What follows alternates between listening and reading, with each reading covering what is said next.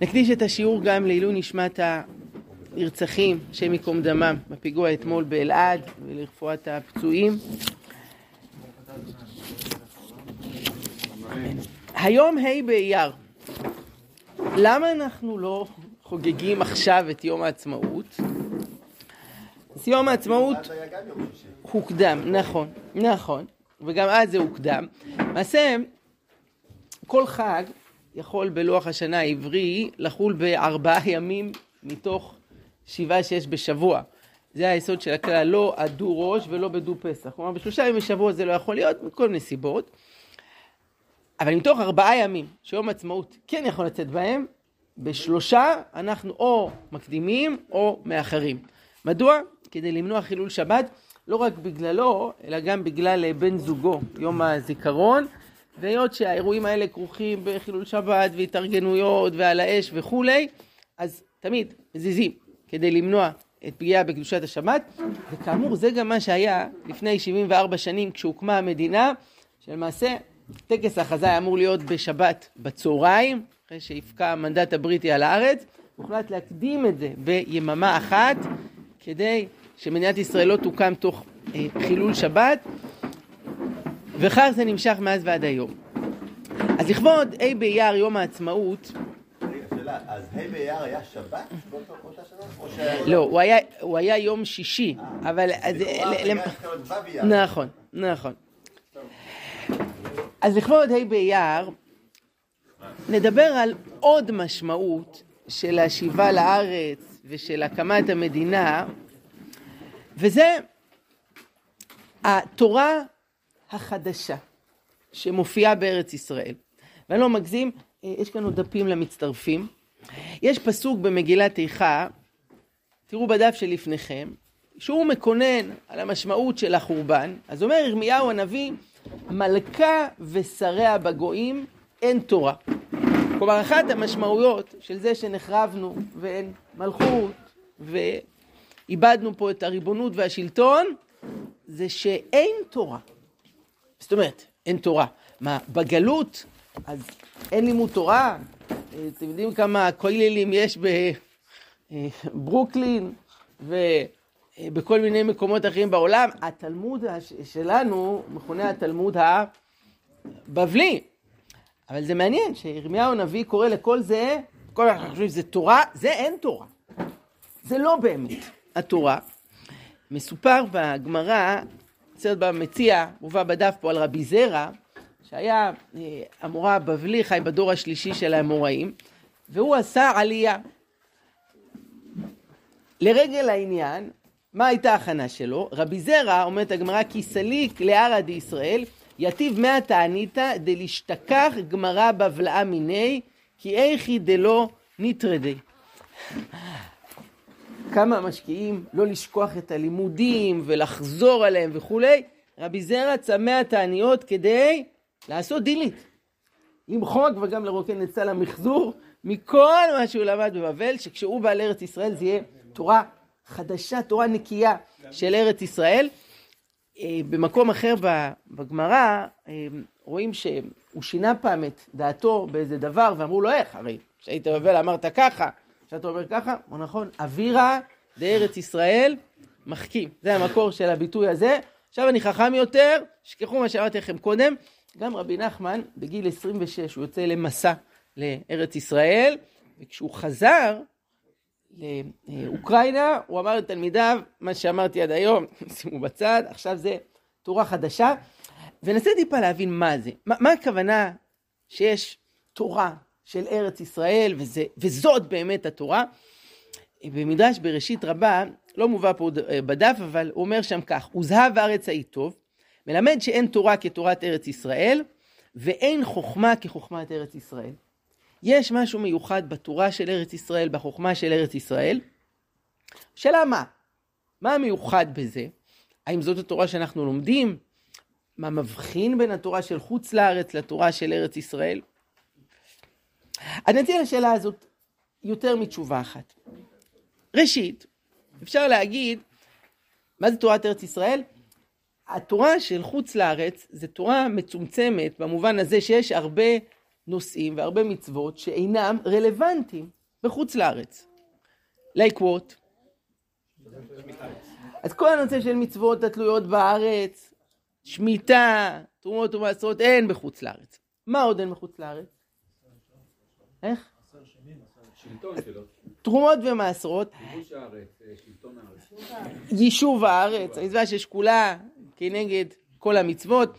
מסופר בגמרא על אה, שני חכמים שעשו דרכם לחוץ לארץ ללמוד תורה אצל רבי יהודה בן ותרא בן נציבים והם הגיעו על הגבול ואז הם הסתכלו ימינה ושמאלה מאיפה הגענו ולאן אנחנו הולכים אומרים אנחנו לא הולכים זלגו עיניהם דמעות וחזרו בחזרה ואמרו ישיבת ארץ ישראל שקולה כנגד כל המצוות עכשיו שימו לב הם לא נסעו לאיזה סוף שבוע בדובאי או לאיזה שופינג בוונציה אה, הם נסעו ללמוד תורה.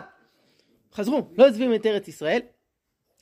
אמ, לא אמרתם, בארץ ישראל יש, אה, אמור להיות בית מקדש.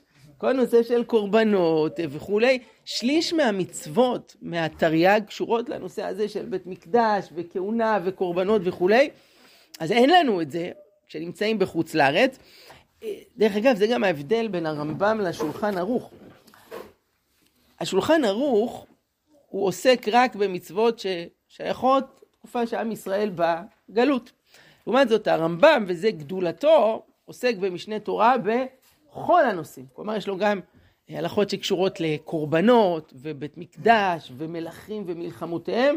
כלומר, הרמב"ם, לפני 850 שנה, כבר הכין וצפה את העתיד. השולחן ערוך עסק בתורת הגלות.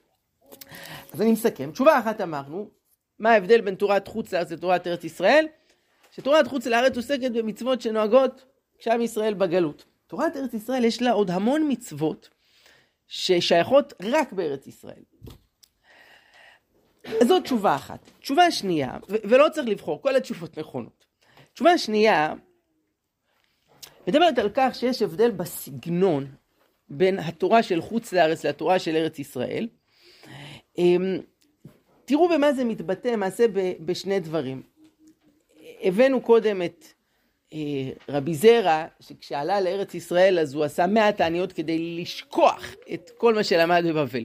למה? אז הגמרא שם מסבירה כי היכי דלא נטרדה. בעברית, כדי שזה לא יטריד אותו. מה הפשט בזה? אז רש"י אומר, כשעלה לארץ ישראל ללמוד מפי רבי יוחנן, והמוראים שבארץ ישראל לא היו בני מחלוקת, ונוחין זה לזה כשמן, כדי אמרינן בסנהדרין ומיישבין הטעמים בלא קושיות ופירוקים. מה אתם שומעים פה? מה, מה ההבדל בין ארץ ישראל לבבל? במה זה מתבטא? צורת הלימוד. צורת הלימוד שמה?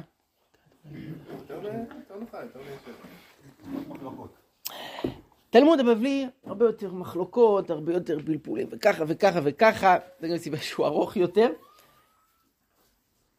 תלמוד הירושלמי, תורת ארץ ישראל, יש פחות מחלוקות, זה יותר פשוט, זה יותר ישר, אז זה נקודה אחת. אבל אני חושב שיש פה עוד נקודה שקשורה להתנהלות בין החכמים. מה כתוב פה? האמוראים שבארץ ישראל נוחין זה לזה כשמן. עכשיו, יש פה מקור נוסף, הבאתי מיד אחרי כן שמחדד את זה. אמר רבי יושעיה, מאי דכתיב ויקח לי את שני מקלות, לאחד קראתי נועם ולאחד קראתי חובלים. נועם אלו תלמידי חכמים שבארץ ישראל שמנעימין זה לזה בהלכה. חובלים אלו תלמידי חכמים שבבבל שמחבלים זה לזה בהלכה. וואי, איזה ביטוי, השם ישמור. מה זה מחבלים? אומר רש"י בלשון עז וחמא ומקשין זה לזה. ובני ארץ ישראל נוחין יחד ומעיינין יחד ומתקן זה דברי זה, והשמועה יוצא, יוצאה לאור. כלומר, יש פה הבדל גם בדינמיקה שיש בין החכמים. האם יש כאן מלחמה ונוקשות ותקיפות, לבין סוג של שיתוף פעולה שמנעימים זה לזה, ואחד מדייק ומכוון אה, את השני. יכולים להקשות, מה באמת, ככה זה בין תלמידי חכמים של ארץ ישראל, אין פה ויכוחים, אין פה... טוב, אז כנראה אחרי אלפיים שנה בגלות עוד לא השתחררנו מהסגנון של חוץ לארץ, אבל זה צריך להיות סגנון אחר של התנהלות. אז אם נסכם את ההבדל, יש סגנון שונה בין תורת חוץ לארץ לתורת ארץ אה, ישראל. בחוץ לארץ יש התנגשויות, יש אה, אה, חיכוכים, יש קושיות ותירוצים, לעומת ארץ ישראל ששם זה יותר ישר, זה יותר פשוט, זה יותר בנועם. למה זה ככה? אפשר להסביר שבחוץ לארץ זה לא המקום שלנו. אדם שלא נמצא במקום שלו, מבחינת הנפש, מה זה משפיע עליו? אתה בסוג של איזה מאבק הישרדות, אתה צריך להיות דרוך, זה, זה לא המקום שלך, זה לא הסביבה הטבעית, אתה לא מרגיש בבית, וזה משפיע אפילו על צורת הלימוד. יש מין איזה אה, אה, אה, סטרס, קוצניות, קיפודיות כזאת, ובארץ ישראל זה המקום שלנו, זה הבית שלנו, הכל יותר נעים. זה כיוון אחד להסביר את זה. הסבר שני, בראשונים, שבארץ ישראל יש יותר השראה, יש יותר רוח הקודש. ממילא צריך פחות התפלפלויות והתפתלויות, אפשר ישר להגיע אל הנקודה, כי יש לנו איזו השראה מלמעלה. זו הייתה תשובה שנייה, מה ההבדל בין ארץ ישראל לבין חוץ לארץ. למה בישיבות אנחנו לומדים על הסדר הבבלי ולא את הירושלים? שאלה טובה. התשובה העיקרית היא שיותר אה, קל ללמוד את התלמוד הבבלי, אה, וזאת למה?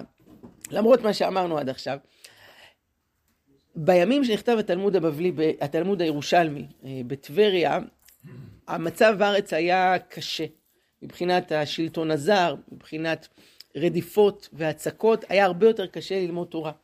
ולכן אה, זה, זה התבטא גם ביכולת של חכמים ביישוב הדעת, ובמשך שנים התלמוד הירושלמי נחתם אה, הרבה לפני התלמוד הבבלי, והשקיעו פחות זמן בעריכה שלו, בליטוש שלו, בבירור שלו. אה, לא יודע פה מה הביצה ומה התרנגולת, אבל גם הפירושים, רש"י ותוספות, על מה יש לנו?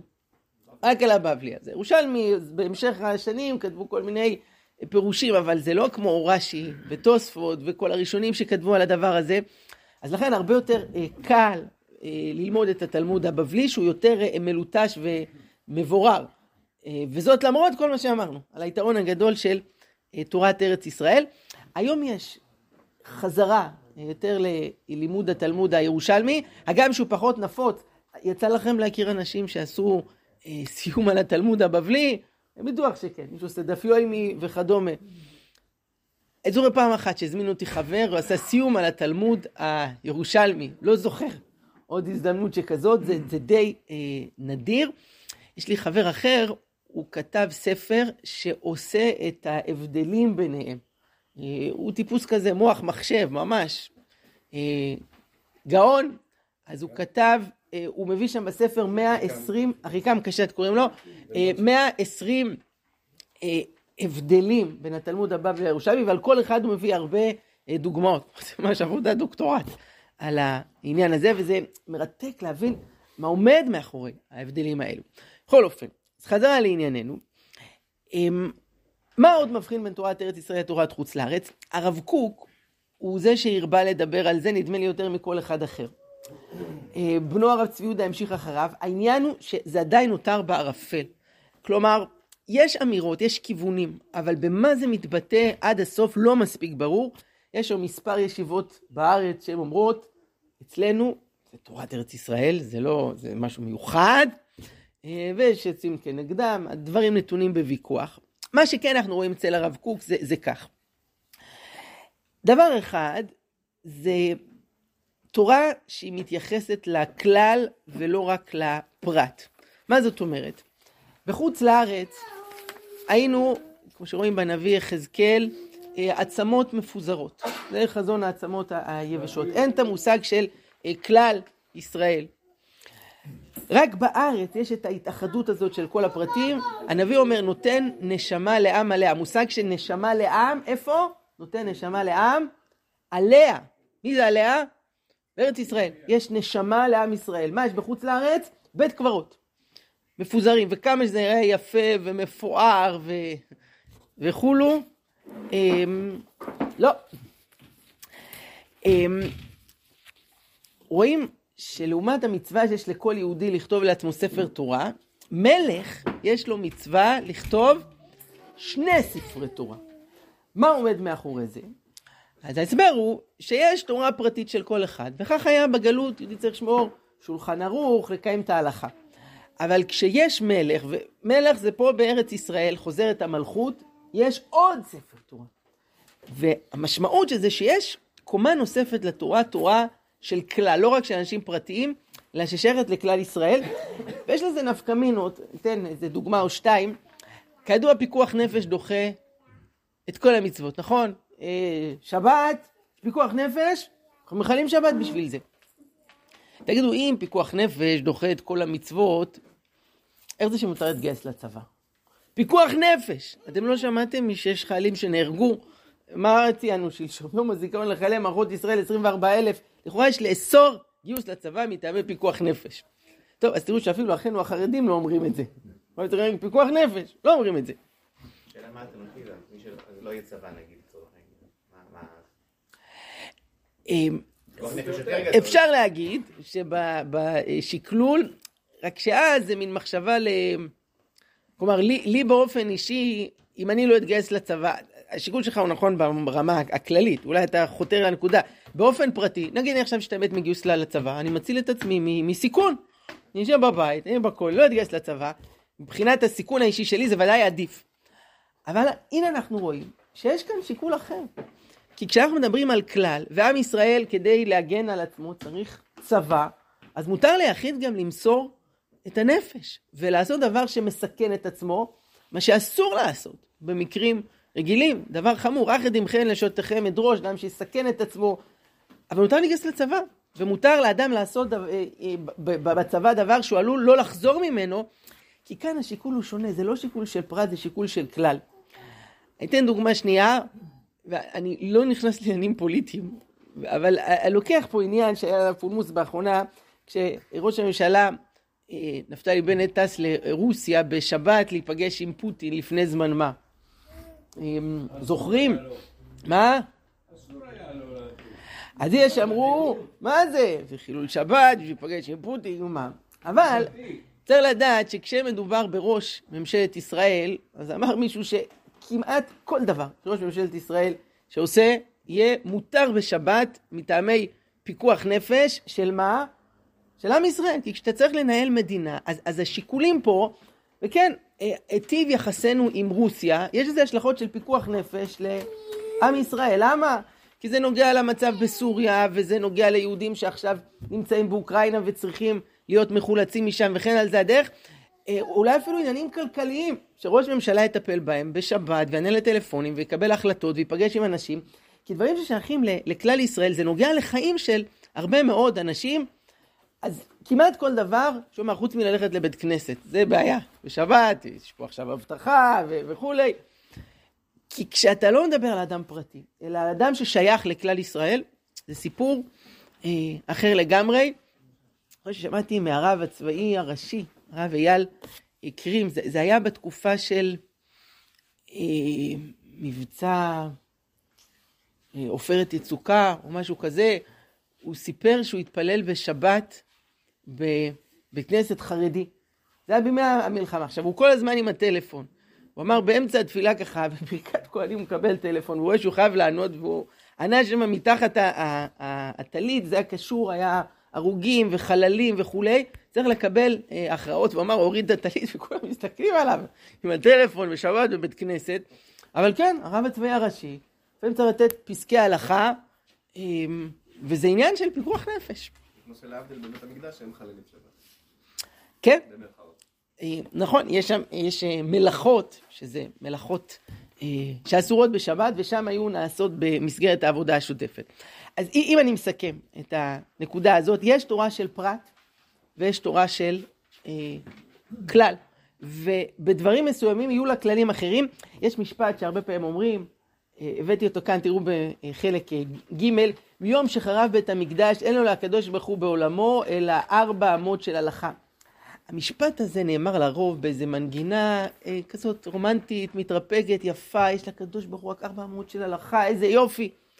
למעשה, זה משפט אה, טרגי, הוא מאוד מצמצם, כי מיום שחרב בית המקדש, יש לו ארבע אמות של הלכה. מה היה קודם? מה היה כשעם ישראל היה בארצו והיה בית מקדש? זה לא היה ארבע אמות של הלכה, זה היה עולם שלם, זה היה מרחב עצום, זה היה תורה של כלל שאיבדנו, ועכשיו יש רק דלת אמות של הלכה, אבל אמור להיות הרבה יותר מזה. והבאתי פה, מקום מהרב קוק, בספר אורות ארץ ישראל, יש שם פרק שלם על תורת ארץ ישראל. אז היינו פה, אני רוצה לעבור עוד על שתי תשובות אחרונות. אמ, התשובה הרביעית היא, זה חיבור הפרטים אל הכללים. אחד הדברים שקשים לאדם ששומר הלכה, זה העומס הרב של הפרטים. הם אומרים בחדשות עומס בדרך ההלכה. אז זה העומס, זה שיש המון פרטים, ואנחנו מאוד טוב לנו עם כללים. אנחנו אוהבים רעיונות יפים, מעוררי השראה, אבל כל מיני דקדקנויות. שאם שואלים, מה, זה באמת משנה כשאתה קושר את הנעליים קודם, לנעול את נעל ימין ואז את נעל שמאל, ואז לקשור את נעל שמאל ואז לקשור את נעל ימין, מה, מה, מה, מה זה משנה? אני נהיה אדם יותר טוב בגלל הדבר הזה? איך אני חותך את הסלט בשבת? איך אני בורר את... מה זה משנה? זה... כי לאנשים קשה להבין, כל הפרטים האלה, מה רוחני בזה? אה, איך זה הופך אותי לאדם טוב יותר? איך זה מקרב אותי לקדוש ברוך הוא? חסר את הקשר בין הפרט לבין הכלל. הרב אליעזר מלמד כותב בהקדמה לספרו פניני הלכה, שאחד הדברים שהוא ניסה לעשות, זה להתחיל בכל נושא ולהציג את, ה, את העקרונות, את הרוח של העניין, ומתוך זה לרדת אל הפרטים, כדי שיהיה איזשהו חיבור ביניהם. האם בכל פרט אנחנו יכולים להצליח לראות את הקשר אל הכלל? לא, אבל אחד החידושים של תורת ארץ ישראל, וזה מה שאומר הרב קוק, שמתחילים לראות את הקשר, את, את הנשמה הכללית שנכנסת אל תוך הפרטים, וזה נותן הרגשה אחרת בקיום של הדברים. תראו קצת ממה שהוא כתב בד' אנו צריכים להתרומם לאותה מדרגה של הבנת הכללים וכללי הכללים, והפרטים והצעותיהם יהיו נסמכים עמם. זאתי המידה המיוחדת של תורת ארץ ישראל, ובזה היא מחולקת משל חוץ לארץ. התרוממות הנשמה אצל תלמידי חכמים לסקירת הכללים של כללי התורה וכולי וכולי. בחוץ לארץ היה עיסוק בפרטים. בארץ ישראל יש אפשרות לחזור אל הכללים ומתוך זה לרדת אל הפרטים ולראות יותר את הקשר בין הדברים. אז זאת בשורה אחת, תורת ארץ ישראל, וזו התשובה הרביעית. התשובה החמישית והאחרונה פה זה חיבור מקצועות התורה השונים. כלומר, לתורה יש כל מיני תחומים ואגפים. יש לנו הלכה, אה, מה עוד יש? איזה עוד תחומים יש בלימוד תורה? נ, נגיד, כמו שיש אוניברסיטת בר אילן, יש לך את הבניין לפסיכולוגיה, בניין לסוציולוגיה, בניין לפיזיקה, תמיד ככה מתרשם שם מהגודל. תארו לעצמכם שגם ישיבות היו נראות כמו אה, אוניברסיטה. אה? אה כן, כשהרב מאיר שפירא הקים את ישיבת חכמי לובלין בלובלין, אבל הוא אמר, החלום שלי, יום אחד לעשות אותו דבר בירושלים, ולהקים ישיבה שהבניינים שלה יביישו את הבניינים של האוניברסיטה. ככה הוא אמר, הוא, הוא לא זכה, אני חושב שהוא נפטר בגיל 47, שם, בסוף הובאו עצמותיו לארץ, הוא, הוא, הוא לא זכה אה, להגשים את החלום הזה. אה, הרבה ישיבות נראות יותר אה, מצ'וקמקות כאלה, לא כמו שנראית אוניברסיטה, אבל תראו לעצמכם, ישיבה הייתה נראית כמו אוניברסיטה. אז זה הבניין להלכה. איזה עוד בניינים היו שם? מה? תלמוד. עוד? אגדה. אה, מוסר, אה, חסידות, קבלה, אה, דיינות, יש הרבה בניינים. עכשיו, יש הפרדה ביניהם, וזה מאוד בולט בנושא של הלכה ואגדה. אתן דוגמה בנושא של מצוות שילוח הקן. מצוות שילוח הקן נראית לנו קצת אכזרית. כאילו, אתה הולך, אתה רואה ציפור, יושבת על הזה, שלח אותה לכל הרוחות, והרקס תיקח את הביצים, אה, את הגוזלים. עכשיו, נגיד אני לא צריך את הביצים, לא צריך את הגוזלים, סתם יצאתי לטיול שנתי, מצאתי כן. מה, צריך לתפוס את האמא המסכנה, להעיף אותה, ועכשיו לקחת לה את הגוזלים? זה נראה לנו קשה. עכשיו, מבחינת ההלכה, אז היו פוסקים שאמרו, שאכן אתה, אתה, אתה לא, לא מחויב. כלומר, אדם שרוצה לקחת, אז שהוא לא ייקח גם את האם וגם את הבנים, אלא הוא שלח את האם ויקח את הבנים. אבל אם הוא לא רוצה, ולא מעוניין לגרום צער בעלי חיים, הוא יכול להשאיר אותה שמה. לעומת זאת, בקבלה, יש עניין, ויש שם כל מיני הסברים, לעורר את רחמי האימא העליונה על בניה, וזה עושה השפעות בעולמות העליונים. כאילו, עזוב את הצריך, לא צריך. יש עניין, מכה גלים בעולמות העליונים. אז פה לכאורה יש ניגוד בין ההגדה לבין ההלכה, בין הקבלה לבין ההלכה. מה, מה קובע? מה קובע? אז יש אה, כלל, המשנה ברורה מביא אותו, שבמקום דפליגי הנגלה והנסתר, אין לנו עסק בנסתרות. שולחן ערוך הביא מעט דברים שהם על פי הקבלה, אבל אין סתירה בינם לבין ההלכה. כמעט תמיד. כשיש סתירה, מה שקובע זאת ההלכה. וחדם סופר אמר שלא מערבבים הלכה ו- וקבלה או אגדה, הוא אמר זה כמו בשר וחלב. כל אחד בפני עצמו זה מצוין, אבל הרבה אותם ביחד אסור, ולכן אלה אזהרה לכל מיני אנשים שמשנים הלכות ואומרים על פי הנסתר וככה, כאילו אנשים שהם מצהירים כמקובלים ומשנים הלכות אה, קבועות וכולי. עכשיו, כל זה, זה אה, עד, עד הלום. אומר הרב קוק, תורת ארץ ישראל יש לה יכולת להפיל את המחיצות בין התחומים השונים. מה זה בדיוק אומר? אני לא יודע להסביר, אבל ההפרדה שיש היום בין המקצועות השונים, אמ, היא תשתנה, ויהיה אה, הקרנות מזה על זה. אני, אני לא יודע להסביר לגמרי את, ה, את המשמעות, אה, אבל בואו נגיד, אני רואה למשל בהקשר אחר, אה, תלמידי חכמים. יש כאלה, הם בתוך דלת אמות של הלכה, אין להם מושג מתרבות העולם, תפיסות העולם, רוחות תרבותיות, פילוסופיה, פסיכולוגיה וכולי. יש כאלה שהעולם שלהם מאוד רחב, אחד בולטים ביניהם היה למשל הרב יונתן זקס, זכר צדיק לברכה, אה, נפטר אה, לפני כשנה וחצי, אמ, והיה אחד ההוגים החשובים אה, בעולם היהודי והכללי, הוא היה אדם נערץ על ידי יהודים וגויים. כשפרצה הקורונה, אז את מי הביאו ל-BBC, הטלוויזיה האנגלית, בשביל לחזק את העם האנגלי? הביאו את הרב, את הרב זק. את מי הביאו? זה כומר. הביאו אותו כי צריך רוח יהודית אה, שתיתן. ואצלו מאוד בולט רוחב הדעת שלו.